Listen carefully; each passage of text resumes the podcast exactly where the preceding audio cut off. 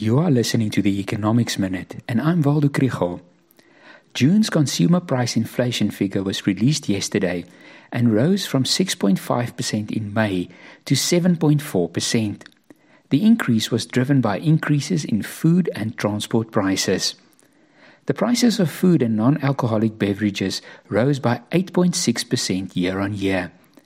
The big increases were in the prices of bread, grain products, meat, and vegetable oils. The price of maize flour increased by 5.2% and brown bread by 3.2%. Meat prices increased by 9.2%. The index for vegetable oil and fats increased by 32.5%.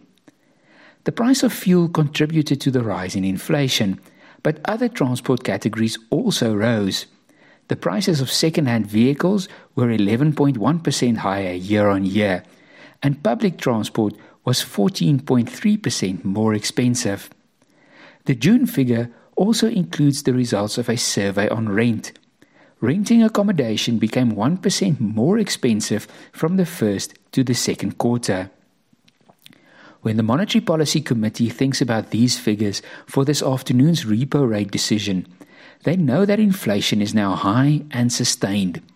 The month on month increases were 0.6% in April, 0.7 in May, and now 1.1% in June. So they can't just do nothing. Although a large part of the price increases are driven by international commodity prices, they will be concerned about so called second round effects when prices that are not directly related to food or transport also start to rise. There is evidence of this in the core inflation rate, which increased from 4.1% in May to 4.4% in June.